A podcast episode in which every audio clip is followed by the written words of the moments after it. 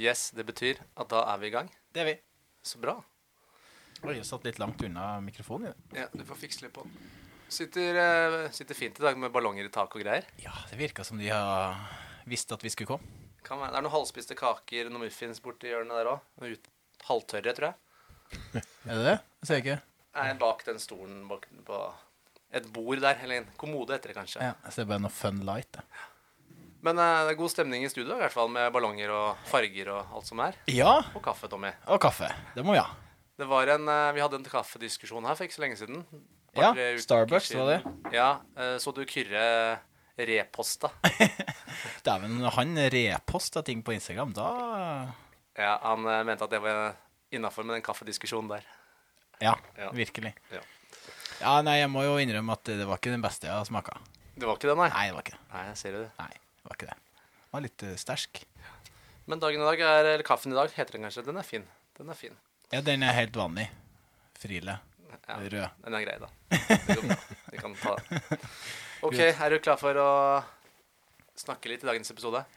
Ja, er det. Vi, jeg håper jo at eh, det er gjesten som skal prate mest. Ja, det må vi jo prøve å få til. Ja, det her er en gjest vi har hatt før. Det er det. Det er den andre gjesten som vi har inn, så vi, som har fått lov til å komme tilbake. Ja, On demand. On demand. Ja, så det er veldig hyggelig. Det blir veldig spennende å, å høre, og ja, vi skal jo ta opp et par, eh, par ting, og ekstremt eh, relevant da, kanskje, for eh, livene våre. Og så skal vi, skal vi ikke prøve å løse litt verdensproblemer, og sånt undervis også? Oi, vi legger lista der, ja. Ja. ja. Nei, Vi skal jo prate litt om det med levealder, leve lenge, leve, helsealder. Eh, og du og jeg har jo levd en liten stund nå. Mm. Kryper oppover. Ja, det, ja, Ja. med, egentlig med stormskritt, synes jeg. ja. Synes nå vi nettopp snakket om at eh, vi hadde denne gjesten inne i mai. Og jeg, jeg føler at eh, det er et par måneder siden han var her sist, så det, tida den flyr også. Nå har du vært i baby- og pappabobla siden mai, så det er Ja, kanskje ikke så det rart. kan viskes ut de siste timene. nå.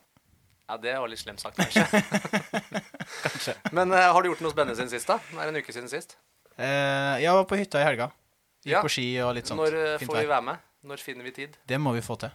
Jeg gleder meg til å se. Den ser Ja. veldig bra ut. Det blir, eh, det blir artig. Det er kos. God Men mat frihelg, og- da? Så du har ikke hatt noe undervisning du nå? På en Nei. liten stund? Jeg skal til Tromsø nå til helga. OK. Ja, så det gleder jeg meg veldig til. Ja, det første forelesning igjen. på den sida av året. Ja. Ja. Jeg har ikke hatt siden Kan det være november, da? ja. Ja, oktober, Man føler seg litt sånn rusten Ja. fram til man får lov å undervise igjen. Kanskje en rusten spiker i starten, men jeg håper, håper det går, eh, går fort å komme inn i, i gamle rutiner igjen. Ja, det går ganske fort, men jeg kjente på det nå. Nå har jeg hatt to helger på rad. Mm. Eh, og da hadde jeg jo hatt flere uker fri. Etter å ha hatt et race da før, eh, før jul med seks helger på rad. Så nå føler jeg det er litt inne igjen. Så det er litt sånn deilig. Bra. Komme liksom litt inn i den, den biten der òg. Ja. Litt som å ha fri fra podkasten òg. Det er litt, litt rart når man skal begynne å snakke igjen. Ja.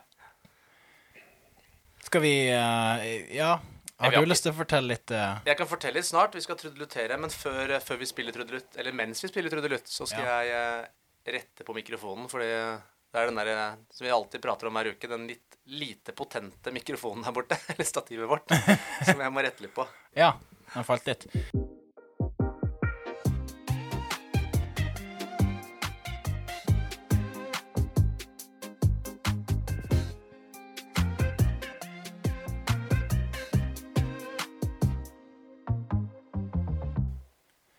Hei og velkommen til podkasten Litt for personlig trener med Alex og Tommy. Og i dag så har vi med oss eh, sjølveste Sandnessjøens eh, konge, kan du si det? Ja, vi kan si med det. Børge Fagerli. Oh, cringe. Hey! Cringe-faktor. Vet du, vi har jo samme mellomnavn. Ja, André. André, ja. Ja, stemmer. Bruker du det masse? Det er veldig lite. Ja. Samme som jeg, da. Velkommen tilbake, Børge. Jo, takk for det. Hyggelig. Vi, har jo, vi sa det at vi måtte ha deg tilbake on demand, og det er jo både fra de jeg har snakka med, som har hørt episoden som vi hadde da sist, som omhandla faste, Ja, hovedsakelig. stemmer. Uh, og så er det on demand fra, fra vår side òg, da. Fordi eh, vi vet at du er en kunnskapsrik mann. Og jeg kan i hvert fall snakke for meg sjøl at det er mange ting jeg er nysgjerrig på, som jeg vet du har mye mer kunnskap om. Og derfor så, av ren egoistiske grunner, så vil vi gjerne ha tilbake også. Ja. Der er vi to. Det er Vi to. Vi to. Så det er veldig hyggelig. setter vi veldig pris på, Børge. ja, hyggelig å bli invitert. Er du glad i å løse verdensproblemer, Børge? Veldig. Ja. Bruker mye tid på det. Litt i overkant mye tid. Nei, men jeg er jo en grubler i høyeste grad. Ja. Så eh, en av mine nyttårsforsetter har vært å lære meg å regulere grublinga litt bedre. Ja. At det ikke blir for mye såkalt ruminering. Hvordan har det gått så langt? Eh, bo- så der. Sånn der, ja. Okay. ja, ja. Jeg må tenke meg litt om.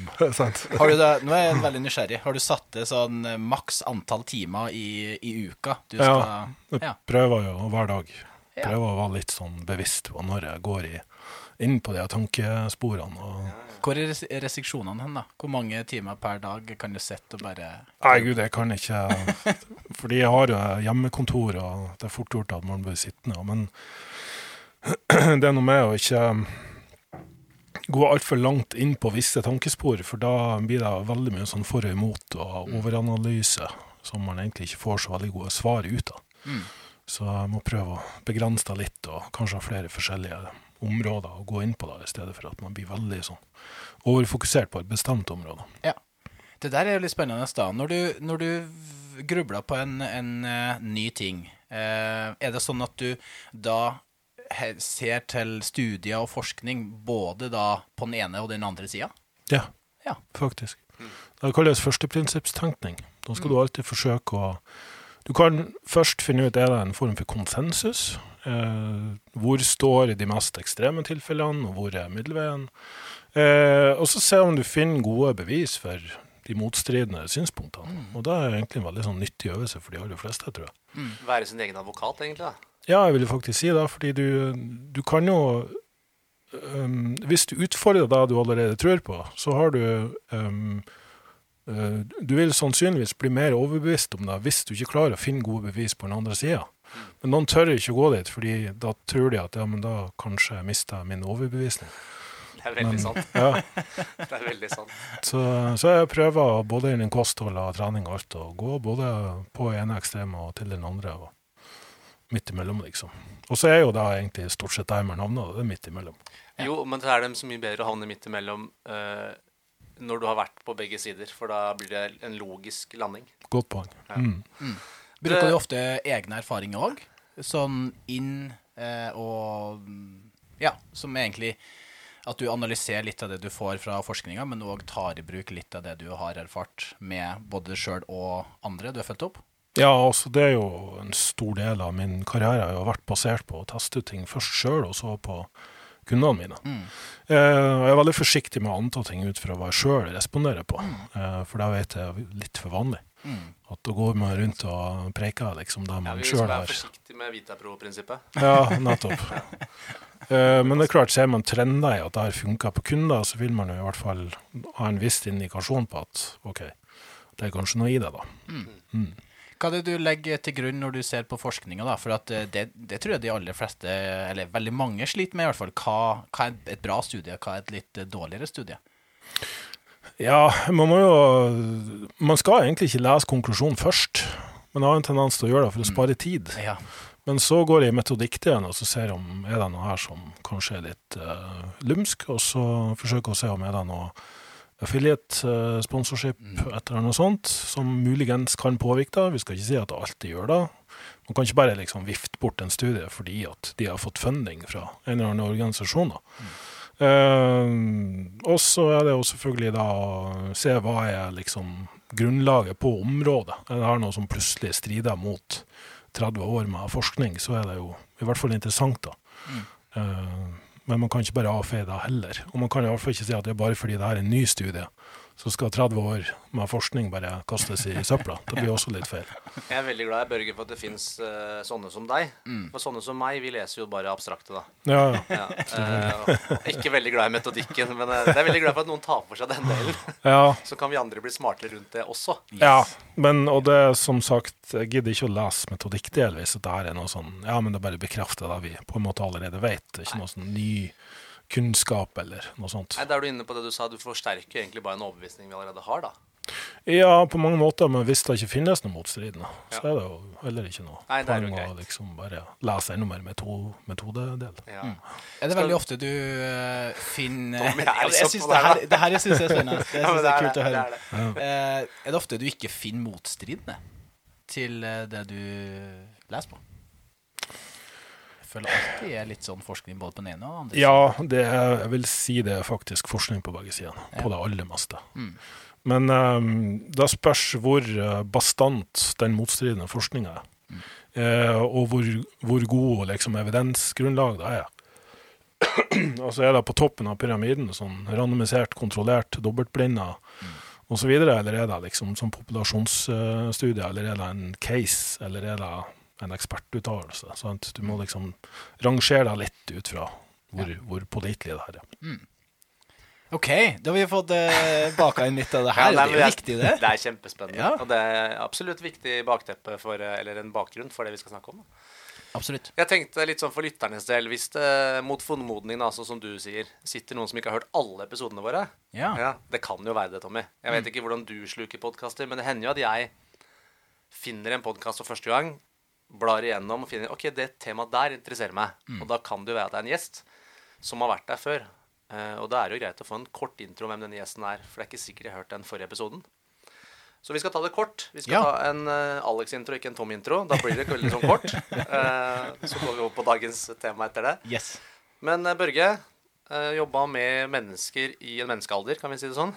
Det er lov å si. Det er lov å si. Ja. Eh, I treningsbransjen. Det var jo sånn vi møttes. Ja. Eller jeg hørte jo om deg før vi møttes i treningsbransjen. Det gjorde jeg jo. Skrevet artikler, uh, jobba med å coache mennesker egentlig i Ja, hvor mange år har det blitt? Det blir vel 25 år nå. 25. Ja. Ja, det er lenge. Det er lenge. Vi har noe å leve opp til, Alex. Vi har det. Mm. Vi har noen år, eh, han har noen år på oss. En levende legende innenfor uh... Ja, ja. Ja, og alltid fra vært med å utvikle kosttilskudd i perioder. Mm. Undervist masse. Ja, Ja. det har jeg fått lov til. Fordypa deg i engler. Ja. Ja. Ja, til og med gått heng- henglesko. Ja, det syns jeg er veldig fascinerende og interessant. Det kunne vi også prata om. Det tror jeg vi sa sist òg. ja Soul, det, Soul, Spring heter det, da. Ja, stemmer. Altså, det er gøy. Og så har vi tatt deg inn i dag fordi at eh, Jeg vet ikke, jeg ser liksom Du, du kan liksom ganske mye om ganske mye når Mm. du kommer til oss mennesker. Det er ikke fordi jeg begynner å få litt sånn grå hår at jeg tenkte jeg du slappa du ikke nærheten av oss. Jeg skulle ønske at det var derfor at jeg kunne telle grå hår, og per grått hår så kunne, var det én bolk med kunnskap. Ja, Ja. sånn visdoms... Uh, Men uh, dagen i dag, da, der skal vi prate litt om uh, Jeg føler at det både kan være en faglig tema og et filosofisk tema. Eh, levealder. Det er blitt veldig Skal vi si det Altså, vi er veldig opptatt nå i dag av å kunne leve lengst mulig. Mm. Eh, og vi har jo en eldrebølge. Vi lever lenger, men så må vi jo snakke litt om det å leve lenger også er å leve bedre. Mm. Forskjellen på de to tingene. Ja. Jeg veit ikke hvor vi skal starte hen i det terrenget her. Har du noe sted du vil starte, Børge? Ja, jeg syns det er interessant at du sier levealder og helsealder. Ja. Da, de to er ikke ensbetydende med hverandre. Nei, for det er interessant. Ja. Hva kan- legger du i de to begrepene? Nei, altså vi kan jo leve veldig lenge, men hvis vi sitter og visner på et uh, pleiehjem liksom siste ti årene og bare bæsjer på oss og må mates, da vet jeg ikke om jeg vil leve så lenge, altså. Nei, da kunne vi begynt å Nei, nå skal vi ikke snakke om aktiv dødshjelp, men det syns jeg også er Ja, spennende. jeg tenker vi tar en tur til Sveits, da. Ja, man gjør det. Nei, men det er, det er sant, da. Det er eh, jeg, jeg, det, jeg, det som har fått meg interessert på emnet, er jo navn som eh, David Sinclair, Mm. som har vært veldig mye ute og prata mye. Eh, Peter Attia har prata en del. Eh, og Børge Fagerli snakker en del. Ja. ja, kanskje ikke så mye direkte om aldring i den forstand, men jeg snakker om ting som er aktuelt for helse, sånn Ja. at vi skal leve lenge. Ja. Med god helse. Hvilke parametere hvis vi skal, Jeg vet ikke om vi klarer å være kategoriske i denne podkasten men eh, kan vi dele opp i visse sånne kategorier på når det kommer til det å leve lenge? Ja, jeg tenker sentrale faktorer. Jeg har skrevet litt sånn stikkord her, fordi det er ganske så på stort, eh, stort tema der. Ja. Eh, meditering versus medisinering. Den syns jeg er fin. ja. Ja. Liksom da indre ro. Mm. Ja. Eh, Å få litt sånn kontakt med hva som foregår, og kanskje ikke bruke for mye tid på å sjekke kroppen hele tida, at du blir hypokonder, men i hvert fall ha en viss peiling på hva som foregår, sånn at du kan håndtere det bedre. Mm. Eh, livsstil er jo, tenker jo og en bred paraply som Mm. vi kan snakke om mange ting under. Mm. Ja. Eh, nok, nok søvn. ja. Undervurdert i moderne tidsalder, der vi har så dårlig tid. Kan, har nesten ikke tid å sove. Eh, og da trenger vi det enda mer, som er det store paradokset. Mm. og så er det det som ofte går igjen i det som gjør at folk lever lenge og har god helse, det er jo at de har en følelse av meningsfyllthet. Purpose. Mm. Um, og i mange andre kulturer, og spesielt i kulturene der folk lever lenge, så er det jo kjent at de har liksom et meningsfylt liv. De jobber liksom helt til de dør. Mm. Altså de er aktive. Har noe de holder på med, liksom. De, de eh, sitter ikke bare liksom og ser på TV og løser kryssord, typ. Ja, Det føler jeg går litt igjen i eldre mennesker som jeg har prata med. Eh, Jeg har en farfar som er, eh, og en farmor for så vidt. De er 86-87. Mm. Bor på gård. Driver sant, gården ja. Mm. fortsatt. Eh, er jo selvfølgelig eldre, Mm. men det, for meg så er de nesten Jeg opplever de på samme stadie som da jeg var liten. Mm. Altså i hva de gjør. De gjør det samme, de holder på, de driver. Og så er det klart at eh, det er et sånn to sider. Det kan jo være at de har god helse fordi de har gjort alt de har gjort, og så kan det være at de kan gjøre det fordi de har god helse. Ja. ja, det der er litt sånn uh, For vi, vi skal kanskje være litt forsiktige med å trekke konklusjoner av de som er gamle i dag. Fordi de var jo 20-30 år under andre verdenskrig. Altså de, mange av de har opplevd kanskje to verdenskriger. Eh, så, så de som er riktig gamle, og verdens eldste, som er var jo da, 118 eller noe sånt. Såpass, ja. Ja, sant? og da er vi på at hun har faktisk opplevd to verdenskriger. Em, og det er klart at det har vært et helt annet samfunn da enn det vi har i dag. Så vi, vi vet ikke om det vi gjør i dag, gjør at vi vil leve like lenge som de vi ser rundt oss. Ja, vi har bedre helsevesen og medisiner, og eh, det er jo et stort aspekt her at vi må forsøke å holde oss friske. For det er jo sykdom som dreper de fleste. Det er jo ikke alderdommen i seg sjøl. Hvis vi er så heldige å holde oss friske, da kanskje alderdommen dreper oss. Ja, og der eh, Jeg mente jeg hørte ja, Apropos vi snakka om David Sinclair, da, bare for å name det. Mm. Uh, og da mener han at vi bør behandle aldring som sykdom. Ja, og Det er jo hans uh, påstand. den har jeg vanskelig for å finne så er det bevis for, altså. Ja. Um, men og igjen her kan vi jo gå litt sånn på hva som foregår på, på cellenivå. Det er Ja, litt det er sånn at. Ja. Um, da, da sies da at aldring i seg sjøl, såkalt senescence, det er celler som gradvis degraderes og mister funksjon. Um, og det er jo egentlig sånn at noen celler aldri er ment å repareres. De har en viss levealder, og så kommer de aldri tilbake. Og spesielt i mange indre organer er det sånn at de skal ikke regenereres. De kan ikke regenereres. Eh, men så sies det òg at vi har eh, en akkumulering av ødelagt celler og vev som organismen da vil forsøke å spise opp og eller regenerere eller reparere, alt ettersom. Eh, og så er det sånn at eh, celler som blir borte da i de indre organene, eh, har da nå direkte funksjonsbetydning. Altså reduserer det effekten de her organene har, og kan da, da tilsi at vi bør ha en mindre organisme.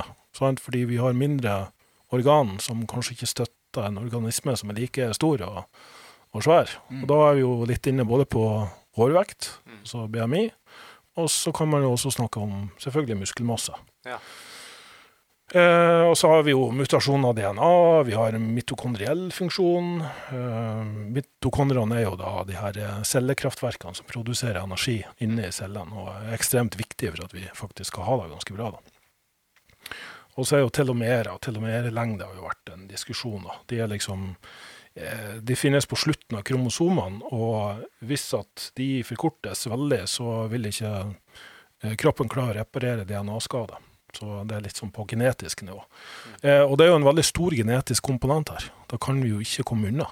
Og det er som regel sånn at levealder går i arv. Så hvis du har eh, besteforeldre, oldeforeldre som er blitt veldig gamle, så kan det hende at du har en høyere sannsynlighet for å bli ganske gammel sjøl. Men da å liksom si at det her er en sånn eh, en sykdom, og hvis at vi bare klarer å reparere den sykdommen, litt sånn definisjonsspørsmål. Jeg tenker det er en sånn semantisk diskusjon som, der det er noen som er veldig kritisk til den definisjonen. da. Mm. At vi på en måte Ja, alle blir syke eh, av alderdom, og derfor dør vi. Mm. Men, men det er noe med at alle organismer har en viss sånn eh, livslengde, fordi eh, evolusjonslæren vil jo da at alle arter på jorda de skal eh, bli født, vokse opp, reproduseres, og så skal de dø. Skal de bli borte. Det er egentlig ingen organismer som er skapt for å være her evig. For da vil uh, i et økosystem så er det et problem hvis det blir for mange av en art. Og jorda er jo overbefolka av mennesker. Uh, og der er for øvrig også et begrep som kan kalles antagonistisk pleiotropi. Ja, for det skrev du til meg. Det syns jeg var jo et eh, spennende. Så det har jeg sittet og lest litt om og prøvd å få huet rundt, da. Så jeg gleder meg til å høre deg prate om det. Ja, og det er egentlig litt sånn på konseptstadiet ennå, men det ser ut til å stemme i veldig mange organismer at hvis du optimaliserer for reproduksjon, og reproduksjonen foregår i en viss alder, eh, for oss mennesker er det mellom 20 til 50 ca., kanskje litt lenger for menn, eh, litt avhengig av. Um, og det vil jo kreve at ressursene styres til at du har maksimal helse og overskudd og alt det her til å kunne eh, føre genene dine videre til å faktisk ha sex. Mm. Eh, og det kan også se ut som om det kan forkorte levealderen, så de virker litt mot hverandre. Og hvis vi da går inn for å gjøre ting for å forlenge levealderen, som i hvert fall ifølge Sinclair så er det kalorirestriksjon, uh, faste, uh, alle mulige sånne tilskudd og medisiner som kanskje skal gjøre at organismen kan sakkes ned og holde gående mye lengre, så vil du også ha en nedjustering av reproduksjonsevne. Så eh, jeg tenker at det veldig mange av de forskerne kommer fram til, er at de intervensjonene vi skal ha, eh, bør være ulike avhengig av levealder. Så f.eks. det å ha kalorirestriksjon, proteinrestriksjon, når du er 65, det kan ha negative konsekvenser. fordi er det noe vi vet er koblet mot levealder, så er det muskelmasse. Og da nok muskelmasse gjør at du er bedre i stand til å unngå å skade deg når du faller.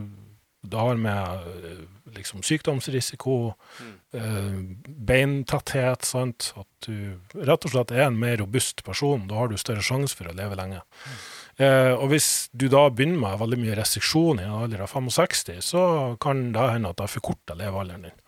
Men da å gå inn med sånne intervensjoner på en person som er kanskje mellom 30, 40, 50 mulig.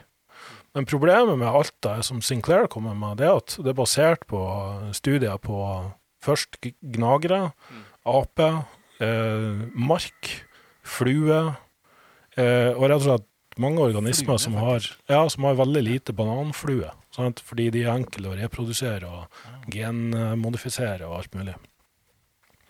Eh, veldig mange av de studiene som ser veldig lovende ut på dyrearter, de er vanskelig å reprodusere på mennesker.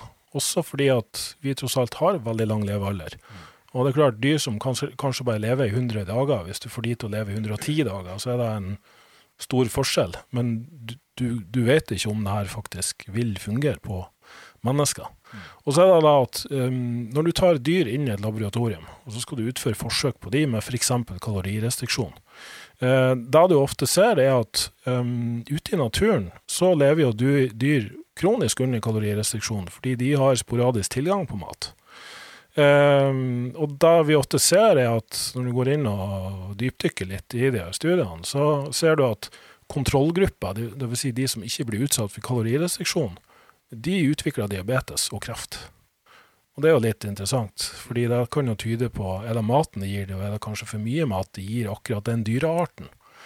Og da kan vi sikkert overføre til mennesker at hvis vi får for mye mat, så er ikke det bra for oss. Men det er en lang vei å gå derifra til å si at restriksjon nødvendigvis er veldig bra for oss. Nettopp av det her med at vi taper muskelmasse og funksjon hvis at vi spiser for lite mat. Jeg vet ikke om vi skal fortsette litt på det sporet med Vi hadde jo en hel episode med deg om fasting. Ja, Vi prater sant? om det. Og i og med at dette her Og dette er jo ting som dukker opp. Nå har jeg eh, kunde som akkurat hadde gjennomført eh, imiterende faste. Ja. Med lave kalorier, mye grønnsaker og sånne ting. Mm. Eh, så det er mye med kunder som kommer og de vil teste ting på egen hånd, og det er på en måte greit så lenge jeg vet hva de driver med. Mm. Eh, men eh, i og med at dette kobles mot eh, levealder, det å leve lenger Det på en måte å Det er jo ett stress da som vi påfører kroppen. Riktig. Så hva er det med selve fasten eller restriksjonene som gjør at dette kobles mot det å leve lenger? Eh, Da ser det egentlig ut til, eh, i hvert fall mange konkluderer med at det er fordi det induserer kalorirestriksjon. Mm. Sånn? Det er en annen måte å oppnå mindre kalorier på. Ja, Men For hva er det med kalorirestriksjon, da? Som, Fordi um, alle organismer er vel orientert mot at vi skal sikre reproduksjon, og dermed har vi en tendens til å spise mer. Og vi mennesker spesielt fordi vi har veldig mye prosessert mat rundt oss. Vi har industrielt fram, framstilt og smakfull mat. Eh, og en litt sånn iboende latskap. Som eh, egentlig sånn at vi skal jo konservere energi. Det er jo litt av poenget, da. For at vi ikke skal overforbruke noe. Må vi ut og finne mat, så må vi det, på en måte. Men eh, jeger-sjanker-stammer de legger seg ned og hviler de så snart de får tid. Mm. Eh, og etter en altså suksessrik eh, jakt, så bruker de neste dag på å hvile. De er ikke ute og løper på noen tredemøller, liksom. Så eh, det ligger liksom i vår natur at vi skal finne kalorier, og så skal vi konservere kalorier. Eh, og det er klart, da må vi i vår visdom siden samfunnet er lagt opp til at ja, men det skal du få lov til. du skal slippe å gå, du skal slippe å gå noe særlig, og du kan faktisk spise veldig mye kalorier som er veldig kaloririk. Og har vi gjort den ekstra smakfull og ekstra prosessert, sånn at du trenger ikke å bruke fordøyelseskapasitet, du trenger nesten ikke å tygge maten. Du kan bare kverne den til en smoothie til og med, og drikke kaloriene dine. Så det er veldig enkelt for oss å få mye kalorier i oss i dag. Eh, og så er det veldig enkelt å la være å bevege seg for å få tak i mat. Vi kan jo bare bestille på nett i en app og hva enn, liksom. Så det blir enklere og enklere å få tak i mat, og enklere og enklere å la være å bevege seg.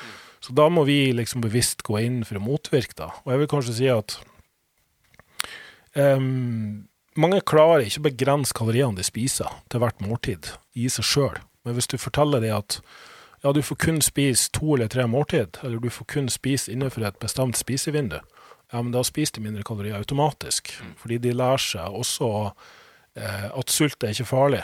Det er jo noe som vi gikk gjennom en periode, at du skal passe på stabilt blodsukker, og du må spise lite og ofte, og du må passe på at du har mm, sant, høyt blodsukker, eller så er det farlig, typ. Så, så da motsatsen til det er jo, vil jeg si, veldig gunstig for oss moderne mennesker. Mm. Vi skal ha god spise, pause mellom måltidene, og vi må spise nok når vi spiser, godt og næringsrikt. Og ja, rett og slett eh, gode råvarer som er minst mulig prosessert, da, for at det her skal være sunt for oss. Du snakka litt her om at uh, desto mindre organisme uh, vi er, desto mindre sjanse har vi for sykdommer og sånt. Du snakka litt om innledningsvis. Kan det ha noe med, med saken å gjøre med kalorirestriksjon? Det at når du hvis at du da er litt flinkere sånn med antall kalorier som du tar inn, at du ikke når noe overvekt eller fedme, og at du på den måten blir en mindre organisme? Ja, det kan jo tyde på det. Og eh, liksom alle de dyreforsøkene også der eh, den arten eller den gruppa lever lenger, så er det jo mye mindre enn de andre. Um, så, så um, men, men igjen, kanskje de er begrensa til sin naturlige størrelse, sammenligna med et la laboratoriemus som er, får leve og spise det de, de får av mat. Så er det veldig mange av de som blir overvektige. Og så gnagere, hvis de får ad libitum, altså fri tilgang til mat, så blir de overvektige.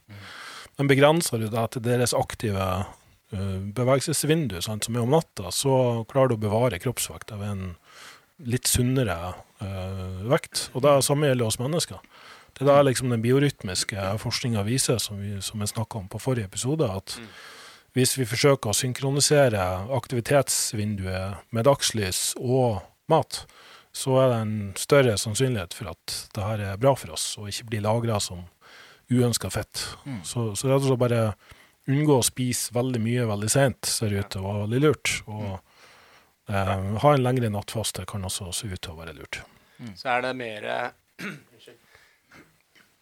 Går det mer på det å unngå eh, overvekt kontra altså selve det å ligge i underskudd, er restriksjonen?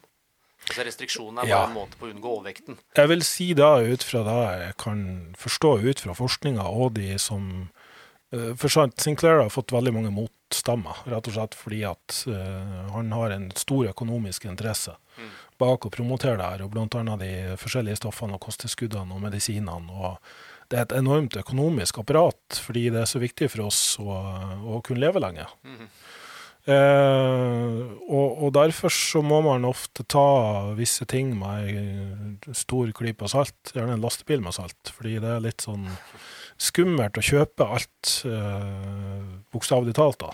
Sant? Gå ut og investere i alle de her tingene i håp om å leve lenge. Mm. Det er interessant at mange stresser så mye med det her og skal leve lenge, at stress i seg sjøl er mer skadelig. Så lever man kortere. En, ja, ikke sant? At, at det blir litt sånn eh, selvoppfyllende profeti der. Ja, og så er det, Men det her er jo veldig ikke sant? Det her er veldig annerledes. Og igjen, apropos gyllen middelvei, som du snakka om. Ja. Vi, vi er ute etter eh, den magiske pilla til enhver tid. Mm. Og så finner man eh, Og da kan vi jo gå litt inn på stress etter hvert, men én måte å påføre stress på som er å kanskje i perioder spise noe mindre. Det betyr jo ikke at du gjør det over tid, Riktig.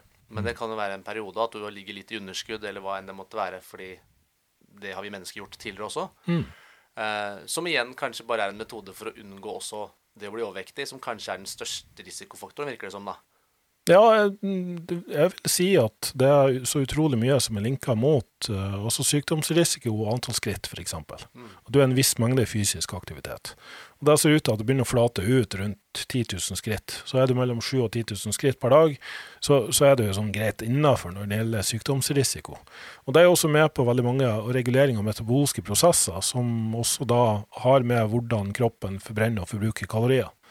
Uh, og hvis du har da fri flyt av kalorier, det er prosessert mat som også gjør at du både tar opp mer mat, og du har lyst til å spise mer mat enn du kanskje egentlig trenger, vil si det overstyrer noe av den naturlige appetittreguleringa, så, så må du på en måte også ha en bevisst intervensjon. Og da vil du si fasteimiterende, eh, periodisk faste, diett, hva enn du forbinder med det. da. Jeg er jo ikke spesielt glad i dietter som du gir et navn. Jeg er jo kanskje mer der at fokuser på å spise bra kvalitet, og så kjenner du litt etter hva som eh, fungerer best for det. Men har vi da nok belegg for å si det at det i perioder skal vi, Som folk kjenner igjen, det er perioder å ligge i underskudd på kalorier. Mm. Er det sunt for oss? Da må jeg i hvert fall veie opp perio- eh, perioder med overskudd. Ja, ok. Ja. Men vi vet ikke om det er bedre enn å ligge i Det balanse. flott. Nei. Nei. Og, og da er vi kanskje også litt inne på det her med folk som trener. Sant? For det er jo Ja, vi ønsker å bygge muskler. Og da setter vi i gang mekanismer som hevdes å være linka mot både sykdomsrisiko og kortere levealder. Mm. Spesielt uh, IGF-1, sant? insulin-like growth factor. Det ligger i ordet vekstfaktor.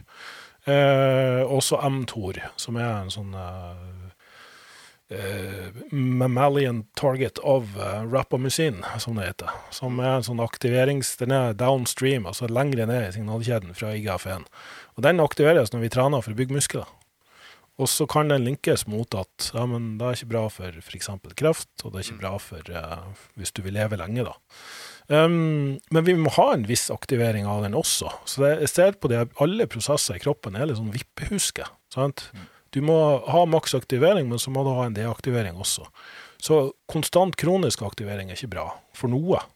Men konstant kronisk deaktivering er heller ikke bra. Så, så hvor finner man den balansen, da? Og jeg igjen er jo, koker jo ned til at vi må ha muskelmasse for å kunne leve lenge med god helse. Mm. Du må være funksjonsfrisk. Du kan ikke være lenka til en rullestol de siste 10-15 årene av livet ditt. Eller ved minste lille fall, liksom, eller at du slår tåa di mot en eh, dørkarm, liksom, så er du invalid for resten av livet. Sant? Det, det gir ikke mening, da. Hvis det kan være den ultimate konsekvensen av at vi skal begrense det mTOR-signalet, ja, men da må vi la være å spise protein, og da må vi la være å trene styrke. Og Da, det For, ja, det er veldig er motstridende, det der. Har du hørt noe om det, Tommy? For det er jo veldig Lausin er jo Alle i treningsbransjen vet jo hva Ja. lausin er. Det, Mm. Og det har jo blitt det som er blitt mest fokus på. Må passe på å liksom pike den terskelen til enhver tid.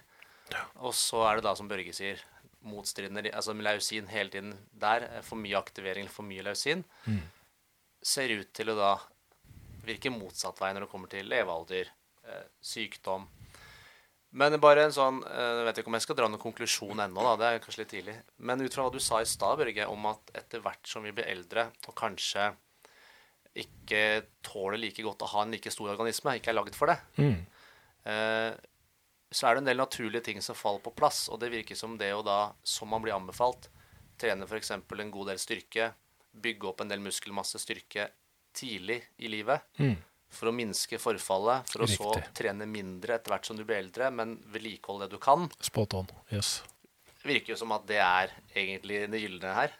Ja, gitt at man selvfølgelig ikke overdriver det så mye i en alder av 20-30-40, Ja. at man eh, blir en sånn stor muskelbunt, sant? Eh, og gjerne tyr til ulovlige medikamenter for å skal få til en ekstra stor. organisme. Ja, for der igjen, det er ikke sånn mer er bedre der eller? Nei, ikke sant, for da har du noe med at eh, på sånn måte som en muskel er bare ett ledd i, i kjeden, og da har du sant, bindevev og ledd som skal klare å henge med på det.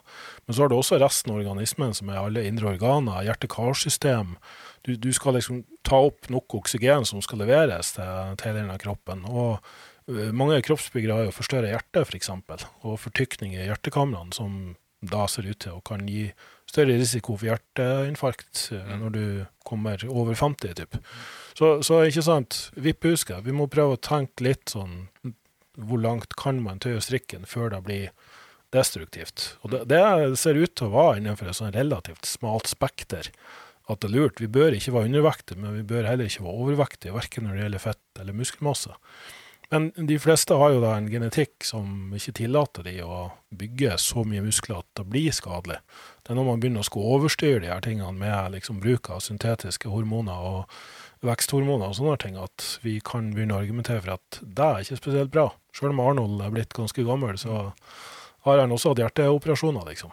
For det tror jeg er fint for folk å vite, at ikke når man hører ting, podkaster, leser ting, at man ikke blir redd, da. Altså for folk som ikke bruker ulovlige midler. Så blir man blir redd for å bygge muskelmasse, trene styrke, fordi man har hørt at ah, ja, men kanskje da lever kortere. Mm, ja, fordi det er mange kroppsbyggere som kalver over ennå, men da er du ikke kjent med hva som foregår i Nei, ikke sant? Ronny Coleman er jo litt annerledes den dag i dag enn han var bare for noen, noen år siden. Ja, Det Ja, har ikke skjedd mye, mye der. Ja. Har du eh, bare Vi snakker jo litt om restriksjon, så det bare ble naturlig å touche inn på Limitless. Vi snakka om den? Har du sett den? Ja, nei, jeg har ikke fått sett den ennå. Jeg må, ja, jeg må skrive den. Jeg skal Den skrive den. har jo Ja, går på Disney pluss, vel. Disney Plus? Ja. Ja. men det tror jeg skal. Hvor han skal utsette kroppen sin for en del stressfaktorer. Så vi kan jo gå inn på stress, da. Mm, Vi snakka jo nå om kalorirestriksjon. Det gjør han for så vidt der. Han Ja. faster jo i fire dager, riktig. som er en form for stress. Mm. Uh, og så skal han jo svømme i iskaldt vann. Vi har så vidt toucha på det før, Tommy. Du og jeg har vært ute og bada litt. Mm. Varme, kulde. De tingene der, Børge. Opp mot det å ja, leve lenge kontra leve godt, da. Ja, og det var egentlig litt interessant at du eh, spurte. Um, litt sånn igjen fra notatene mine på, på hva som ser ut til å være viktig for helsealder og levealder. Og det er en god VO2-maks, dvs. Si at vi må ha kondisjon også, ikke bare styrke. Men styrke og muskelmasse. God arbeidsøkonomi, dvs. Si at du kan konservere energi, gjøre mer arbeid med mindre kraftuttak. Crossfit. Ja. ja. ja. Eh, Blodsukker og insulinregulering ser ut til å være viktig. Ikke altfor store svingninger. Um, ApoB og lipider, altså linker mot kolesterol og risikoen for alt det der. Det er også en sånn rabbit hole som man kunne Ja, hatt en egen ja. podkast på. Og så er det inflammasjon. Og da er det markører som f.eks. CRP og IL6 som du kan ta blodprøver av. Liksom. Men rett og slett unngå inflammasjon som er kronisk. Ser ut til å være veldig lurt, da. Um, og eh, tilbake litt til deg når du spør om temperatur. Eh, de tre tingene IGF-1, mTOR-aktivering og temperatur, som ser ut til å ha ekstremt mye å si for dyr for å få de til å leve lenge, har mindre å si for mennesker.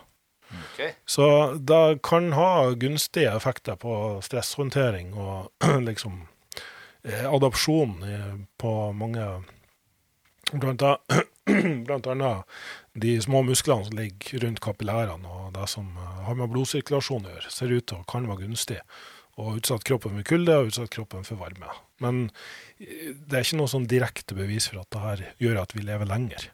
Eh, men alt som er hormetisk stress, dvs. Si, kontrollerte doser med stress, som kroppen får tid nok til å tilpasse, ser ut til å være positivt for alle organismer. Eh, så faste, kalorirestriksjon, fytokjemikalier sant, fra planter. Eh, og kanskje avmålte doser, avgrensa doser med mentalstress.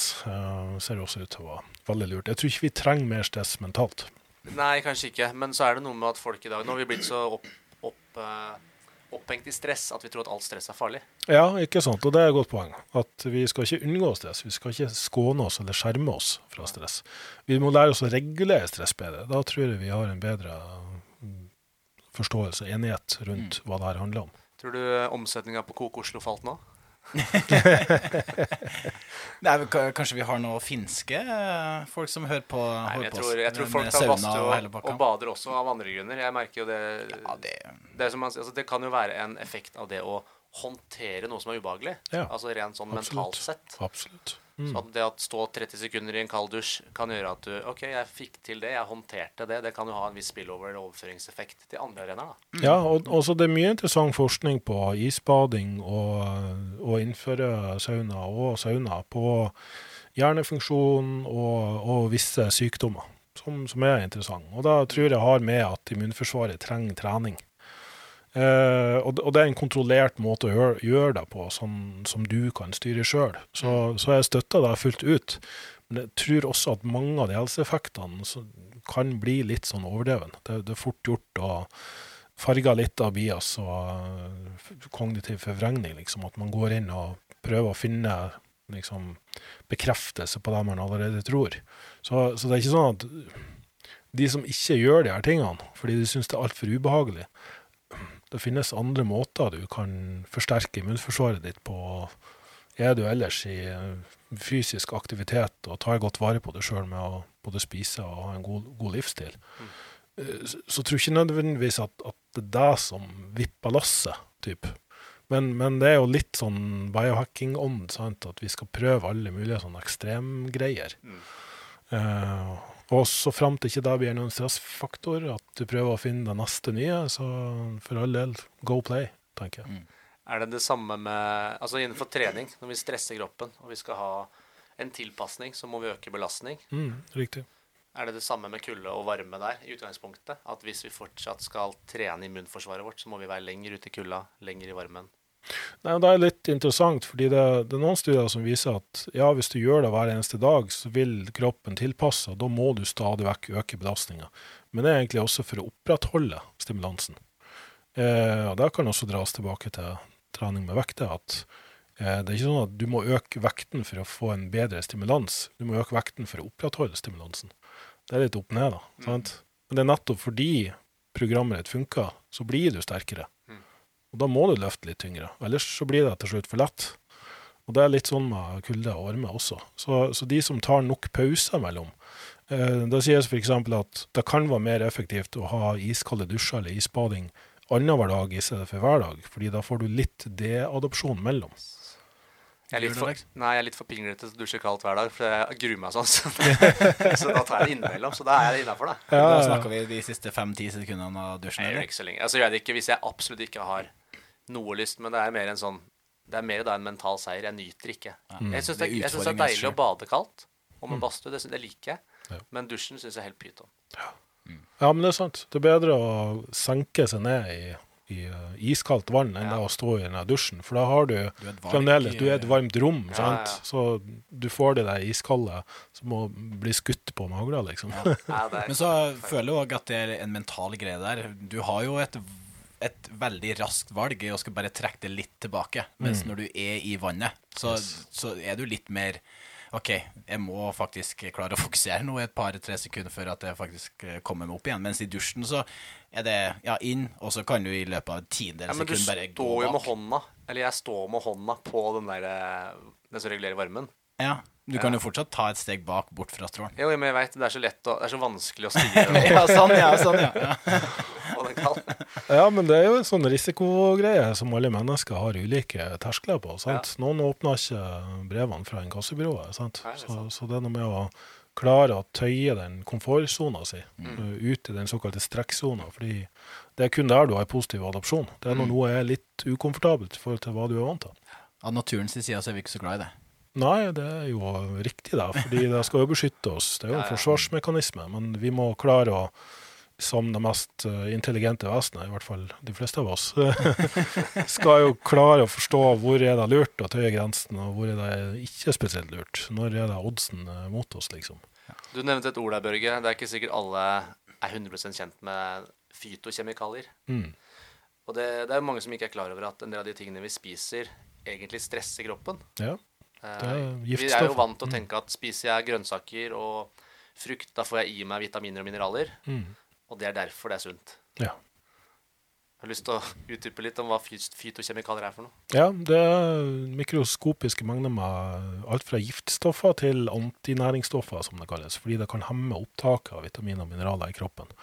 Og Det er derfor at vi mennesker har utvikla visse eh, som prosesseringsmetoder, koking, fermentering, syrning, gjæring, alt mulig, for å gjøre det litt mer lettfordøyelig og redusere den potensielt skadelige effekten store mengder av visse plantestoffer kan ha på oss. Eh, Så, så det er noe med at eh, Og der ser det ut til å være ganske individuelle toleranser for at noen rett og slett blir syke av planter. Du ser jo sånn som Michaela Peterson, som rett og slett har så kraftige autoimmune reaksjoner på alt av plantemateriale at hun må spise kun kjøtt og drikke vann, liksom. Eh, Så de, de finnes der ute, typ. men det betyr ikke at det er den beste dietten for absolutt hele menneskeheten. Fordi vi vet at studerer du lengstlevende populasjoner, de som har god helse, mindre sykdomsforekomst, om det er da visse fellestrekk, og det er jo høyt inntak av plantestoffer, eh, også grønnsaker, frukt, bær, eh, eh, belgvekster vil jeg også si. Sant? Bønner og linser går igjen i mange av de her kulturene.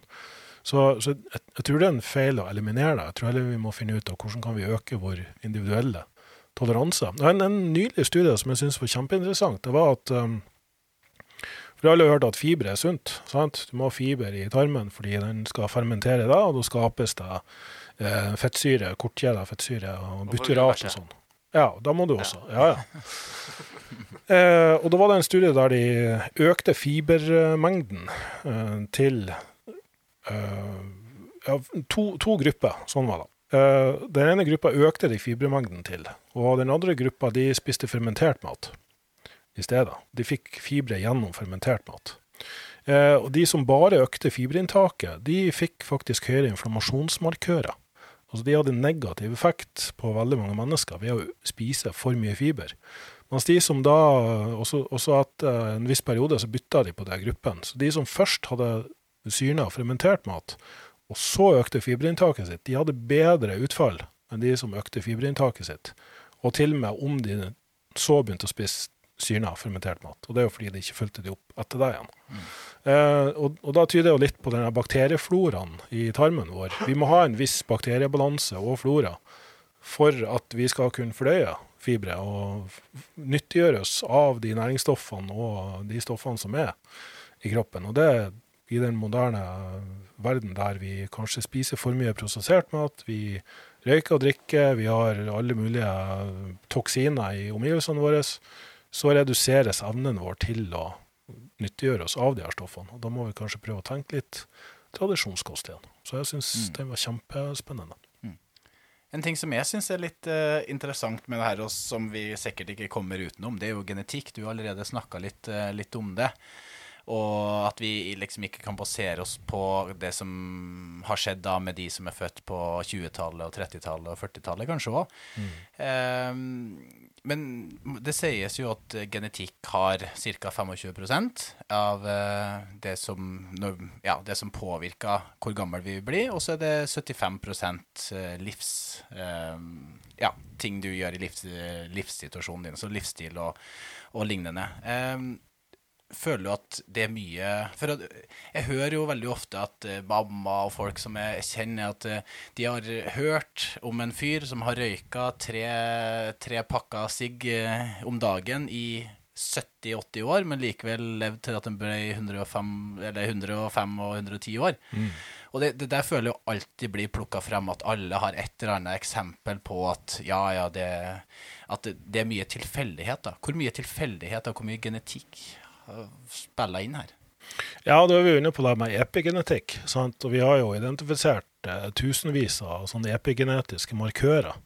Eh, og den Sinclair-forskninga går jo på at med sånne såkalte sirtuiner så skal du kunne gå inn og liksom endre på genuttrykket. Sant? Men det vises jo at ja, du kan kanskje forandre på én av én million eh, genetiske markører. Sånn at hvor mye har det her å si på totalen. Og det, det er helt riktig. og jeg, jeg tror ikke vi skal informere oss gjennom hva noen kanskje er genetisk eh, disponert for eller eh, har en ulempe med. Um, også fordi at um, genuttrykk kan jo endres eh, gjennom generasjoner, og det kan også, noen kan endres veldig dramatisk veldig fort, mens noen tar veldig mye lengre tid å endre seg.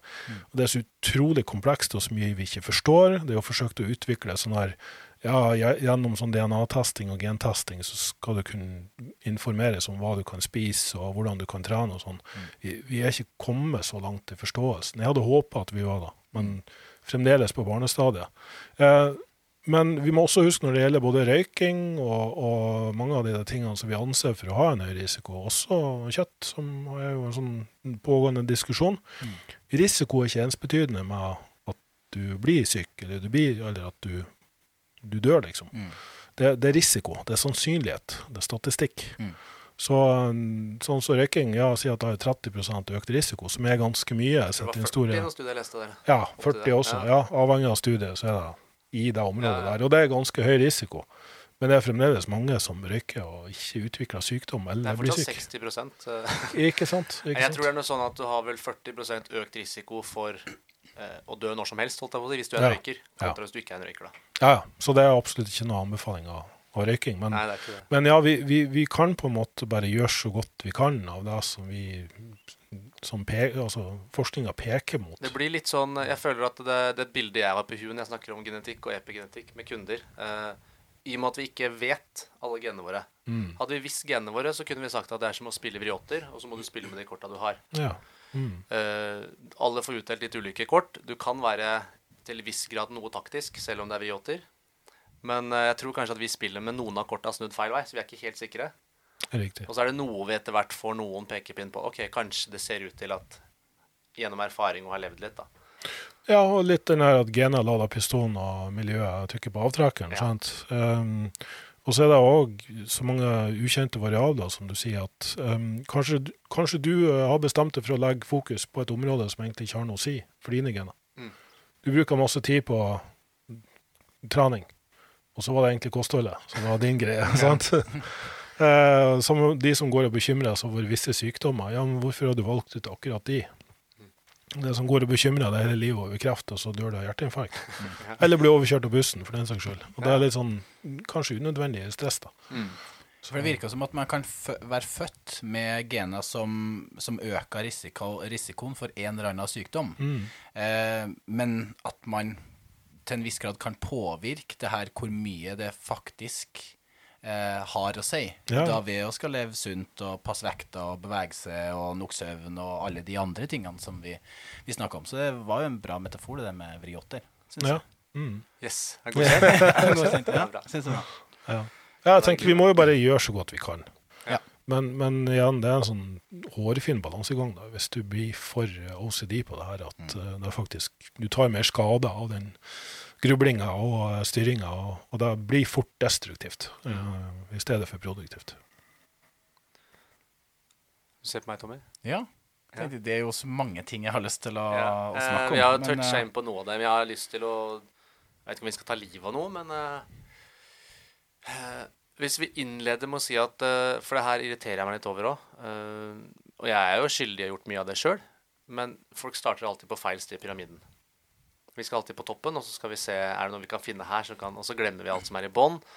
Når det kommer til uh, søvn, stresshåndtering, kosthold, fysisk aktivitet. Uh, men la oss starte på toppen, da. Som alle er interessert i. Det er jo kosttilskudd. Mm. Tilskudd, du har nevnt noe av det. David Sinclair. Uh, ting som blir hyppig nevnt, som jeg har hørt om, er NMN. Ja. Som han er veldig Og også for så vidt Det er jo ikke bare han, men også han godeste Huberman. Prater jo varmt om dette. Uh, Berberine. Alle de her uh, tingene, Børge, har du noe kjennskap til det? Hva vet vi ut fra forskning? Fra? Igjen, det er vel nesten utelukkende dyreforsøk. Ja. Ja. Det finnes én studie på prediabetiske, overvektige kvinner som viste en positiv effekt, men det var visse metodiske feil som ikke så helt heldige ut. da. Eh, så det er jo det, alle går jo inn på den NAD pluss, eh, som, som er egentlig bare sånn koenzym i alle celler som oppregulerer energiproduksjon. og cellereparasjon. Eh, og, og det anses for å være en sånn biomarkør da, for mitokondriell funksjon og fysisk helse generelt. Eh, og, og, da man ser at NAD pluss er høyest hos de som er fysisk aktive, og når de har testa ut de ulike kosttilskuddene, så er det liksom over hele spekteret, sånn som jeg har sett. at noen, uh, hos noen dyr i noen dyreforsøk så ser vi at ja, du får en viss økning av NAD+. Hos noen ser du det ikke. Og Så prøver de å finne ut hvorfor gjør vi ikke det. Og så prøver de forskjellige stoffer. Og så er det litt sånn Den, den økninga som vi ser i dyreforsøk overført til mennesker, er sannsynligvis mindre enn den vi får av bare å være fysisk aktiv.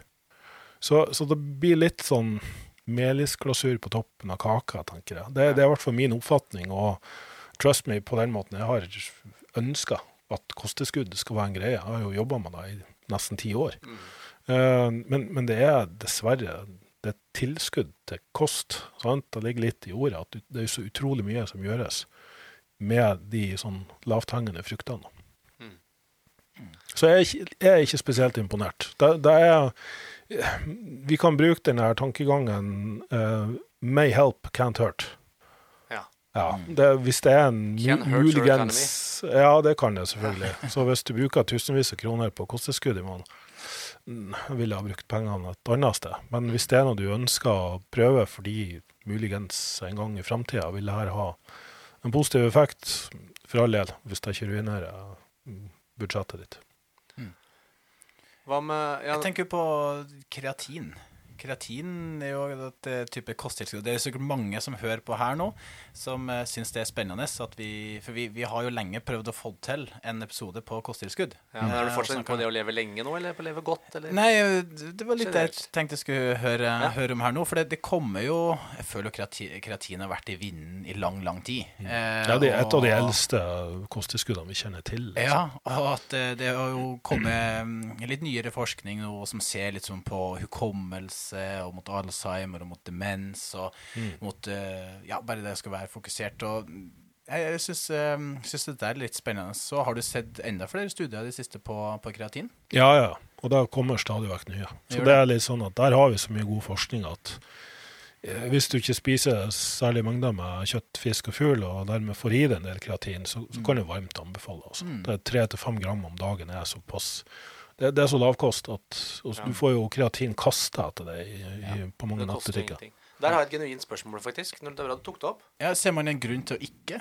bruke kreatin? Jeg kan ikke komme på noen grunn. altså. Nei. Det er jo selvfølgelig noen som ikke responderer på det i hele tatt. Ja. Men, uh, ja, for det er der spørsmålet mitt kommer inn. Mm. Altså, du har jo sikkert ikke brukt kreatin i gamle dager. Nei. Men jeg som har vært gymbro og testa alle kosttilskudd, har jo selvfølgelig brukt kreatin. Mm. Uh, og alle, alle, alle gjorde jo ikke det. Men veldig mange av de jeg tok kreatin sammen, de gikk opp i vekt. Mm. Jeg har jo aldri gått opp i vekt av kreatin. Mm. Så har man etter hvert skjønt at det er en del som kanskje ikke responderer, som kanskje har fulle lagre. De kognitive fordelene man får av kreatin, får man noen ekstra fordeler selv om man ikke responderer altså rent fysiologisk med å gå opp i vekt eller sånne ting? Ja, det ser sånn ut. fordi der har man liksom kreatinfosfat i muskulatur, ja. som gjør at du kan ta flere repetisjoner på samme vekt. Typ. Eh, mens de kognitive fordelene er liksom uavhengige av hva som foregår i muskelen din. Så, så ja, det vil jeg påstå. Godt, for jeg tar nemlig kreatin, men jeg føler ikke noe effekt eh, nei, nei. Og det som sagt, har du allerede fulle kreatinlagre, eller uh, at du enten har mindre kreatinlager enn andre har, eller at du allerede spiser så mye kreatin i kostholdet, så får du ikke så veldig mye utbytte av det. Nei. Men uh, det, det, er på en måte såpass billig at uh, Men hjernen min er så fortsatt fornøyd? Ja, jeg vil jo anta det. altså. Forskninga er såpass god der, og det er uavhengig forskning. og det er verifisert liksom i alle mulige uavhengige laboratorier og sånn. og da, da, må man på en måte si at ja, men her er det kanskje noe. Det er så lite økonomisk insentiv i kreatin at mm. her kan vi på en måte si at ja, men da, da er det kanskje greit. da. Mm. Det er bra. Du, Vi kommer ikke unna å snakke om uh, leve eller langt liv og godt liv uten å nevne alkohol, føler jeg. Mm. Rødvin, ett glass vin om dagen. Hvor står vi der i dag?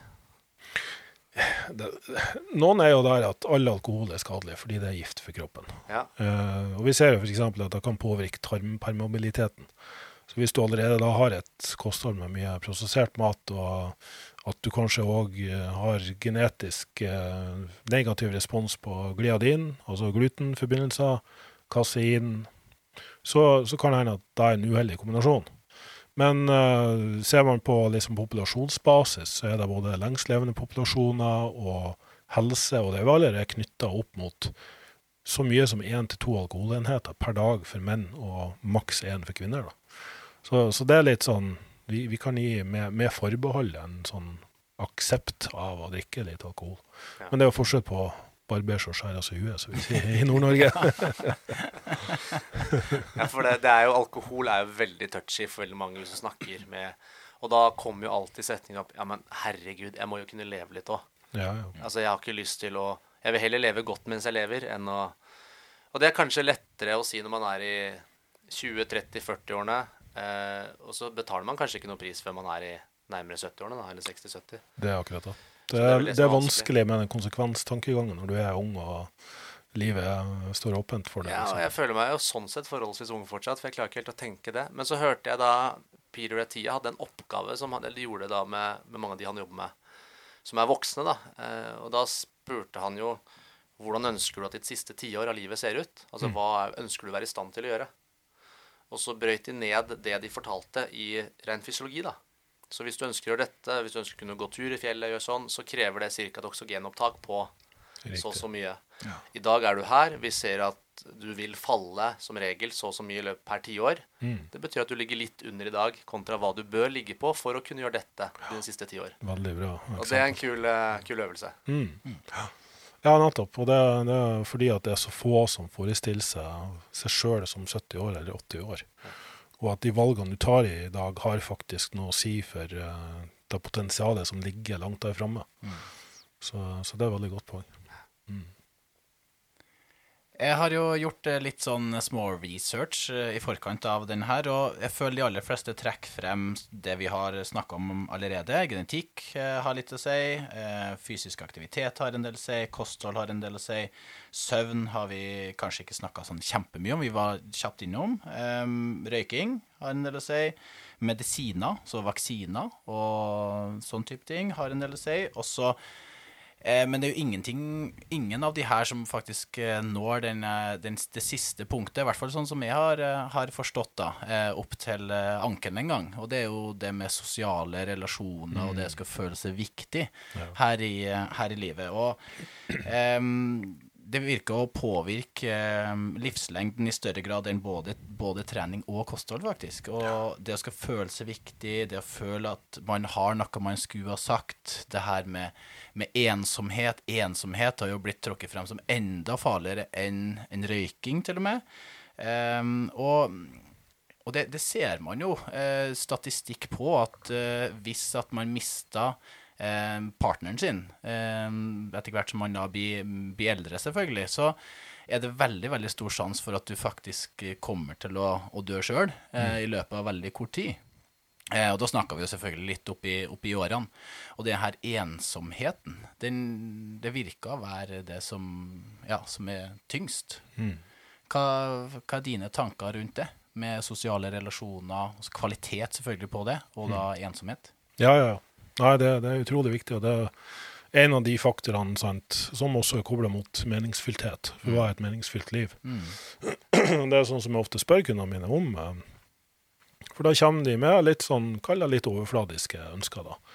Eh, Men bak der igjen ligger det jo sant, et ønske om å bli sett, anerkjent, validert, elska. Da er jo hva er et godt liv for det? Ja, men det går ofte mot det sosiale. De, de vil se bra ut for mannen eller kona si, eller de vil være en del av gruppa og øh, føle at øh, de blir godt likt, og rett og slett har gjensidig tillit og respekt og anerkjennelse. Og det går jo også igjen i alt fra Maslows behovspyramide til Ken Wilbers fire kvadrantmodell, det her med relasjoner. Connectedness. Sant? Så, så um, det å ha eh, Finn, finn ut av hva er din sånn sfære, da. Hvor, hvor mange ønsker du å ha, og hvilken kvalitet skal det være på dem.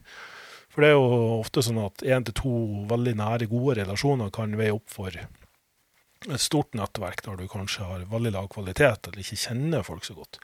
Så, så det er jo ganske individuelt. Noen føler at ja, men de må ha mange venner for å føle at det trives. Men, men kanskje, ja, kjenne litt etter. Orientere deg litt på hvor mange ønsker du å ha i livet ditt, og føler du at relasjonen er bra. Jeg vil jo si at eh, 80% av coachingforløpene har bruker vi ganske mange samtaler på å snakke med hvordan de har det med sine nærmeste, og i tilfelle om de har noen nærmeste.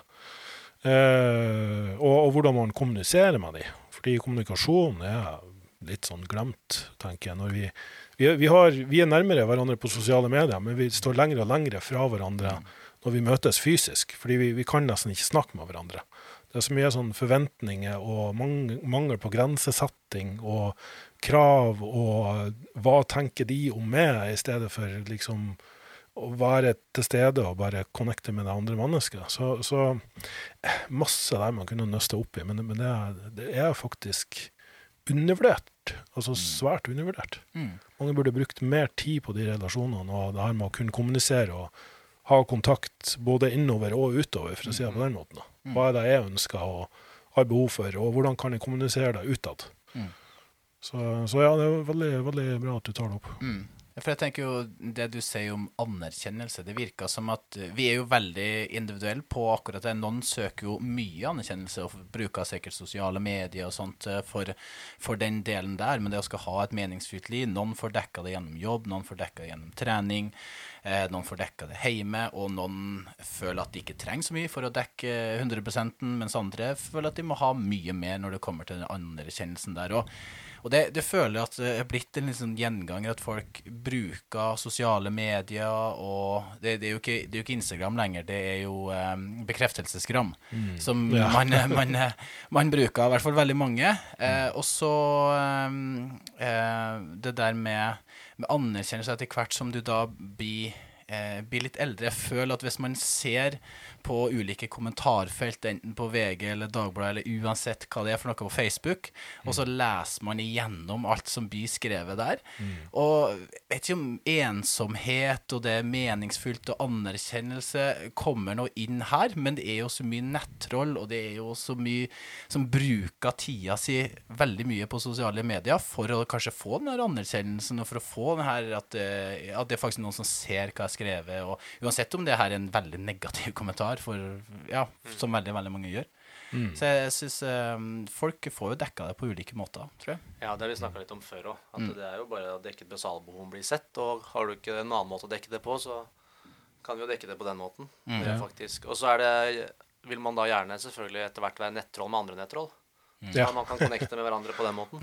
Det er jo ekkokammer, det der. Så, ja, ja, så det er klart at du, du ser jo egentlig bare der en normal person for 50 år siden ble eksponert for samfunnet sitt, mm. og klart var du en TV-personlighet, så ble du eksponert for flere, men du fikk ikke feedback, mm. som vi får i dag. Mm. Så nå kan hvem som helst få 1000 mennesker som kommenterer på et bilde du har lagt ut. Mm. Eh, og da, da, får du på en måte både de som skriver hjerte-hjerte, og de som kaller det et stygt troll, sant? fordi de er troll sjøl. Mm. Så, så, så du, det er egentlig bare at du ekspanderer reachen din. Eh, og Da må du på en måte forvente at statistikken og oddsen virker mot deg. Du, du, vil også fange opp de som har eh, masse surt å, å, mm. komme med. Og Da må du være i stand til å tolerere det. Ja. ja det er mye oppgulp eh, rundt omkring. Du skal ikke snakke så veldig mye om det der, men Nei, det, det, det, det, irriterer meg så, så, enormt, altså. Med alt det som blir slengt ut, og folk som ikke har peiling på noe som helst, som bare skal sitte der og bare Ja, sånne katter. Jeg syns det er så gøy, den her jeg vet ikke om det er sett på Instagram eller Facebook. Det er en sånn katt som sitter med, med potene sine og bare slår på tastaturet. Det føler det er veldig mange som, som, eh, som ja, det store paradokset, fordi eh, connectedness, nære relasjoner, de pleies jo ved å legge fra deg telefonen. Mm. Og da, man kan liksom gå inn i stua i et norsk hjem, og så sitter tre-fire personer, familiemedlemmer, på hver sin telefon. Mm. Har ikke en samtale med hverandre. Det, og det er det som betyr noe. Det er de nære samtalene med de du er glad i, som står deg nært. Men da blir du på en måte ignorert. Nei, men det er noen som tar feil på internett. Ja, men du skjønner at det jeg gjør da, Brygge jeg sitter, Mens Alva sitter og ser på iPaden, så sitter jeg og googler om NMN og koster for å leve lenger. ja, ikke sant. Det er sånn det, kan, det kan man burde nesten hatt en sånn kurv. Når man kommer hjem, så skal mobilen der, og så blir den der ja. i noen x, x antall timer. Men eh, det er vel vanskelig. Nei, men vi er jo vi er innom mange ting da nå. Vi skal prøve, og folk sitter og Det er jo igjen Nå vil jo vi være være en kanal der vi kan prøve å forenkle ting litt, så ikke dette her blir veldig komplekst kom, altså for veldig mange. For da blir det, som du sier, Børge, vi stresser mer om å skulle leve lenge, så mye at vi faktisk lever kortere. Ja. Men det du har snakket om, vi har snakka om og, det, og merkelig nok så har vi sagt at det er viktig med kondisjon og styrketrening. Ja. Eh, det var litt rart. Under, det er, da, jeg har undervurdert kondisjon i mange år. Ja, men selv, altså virkelig. Og det er først Det er jo sånne ting som dette jeg trenger for motivasjonen min. Fordi for meg Jeg har ikke noe glede i det. Mm. Jeg har ikke noe mål om å løpe noe løp. Ikke har jeg noe behov for det. No. Eh, men dette her, sånne ting motiverer meg Mm. til, til å faktisk ta litt tak i det. Ja. Så det er en viktig del for mange, tror jeg. En liten kommentar der er at jeg tror ikke alltid Det er litt som den kalde dusjen. Vi må ikke alltid vente vi blir motivert. Nei, man bare gjør det. Du, av og til må du bare Men man må kanskje finne en grunn noen ganger. Ja, det er godt sagt. Ja. Mm. Så Men det, eh, Kyrre har jo, vi var inne på han helt i starten av episoden. Han Ja. har jo lagt, lagt ut noen sånne greier. Re, ja, ja.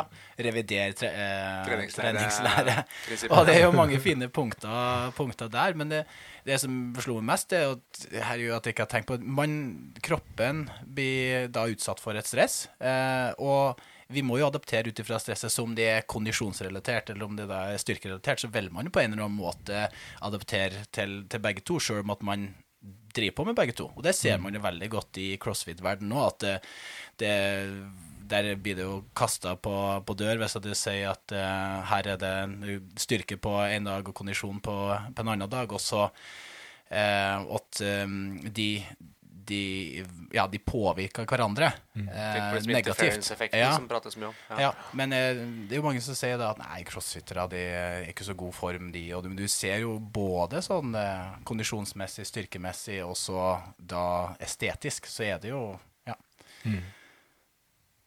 Ja, Men, eh, det er litt sånn at uh, det er som regel spesialistene som får best utbytte i den retninga de velger. Mm. Og blander du for mange motstridende stimulanser, da har vi kanskje eksplosivitet helt på den ene sida av spekteret, og så har vi langdistanse, lavintensitet på den andre sida. Mm. så da å prøve å kombinere det vil ofte bli litt sånn lapskaus. Mm.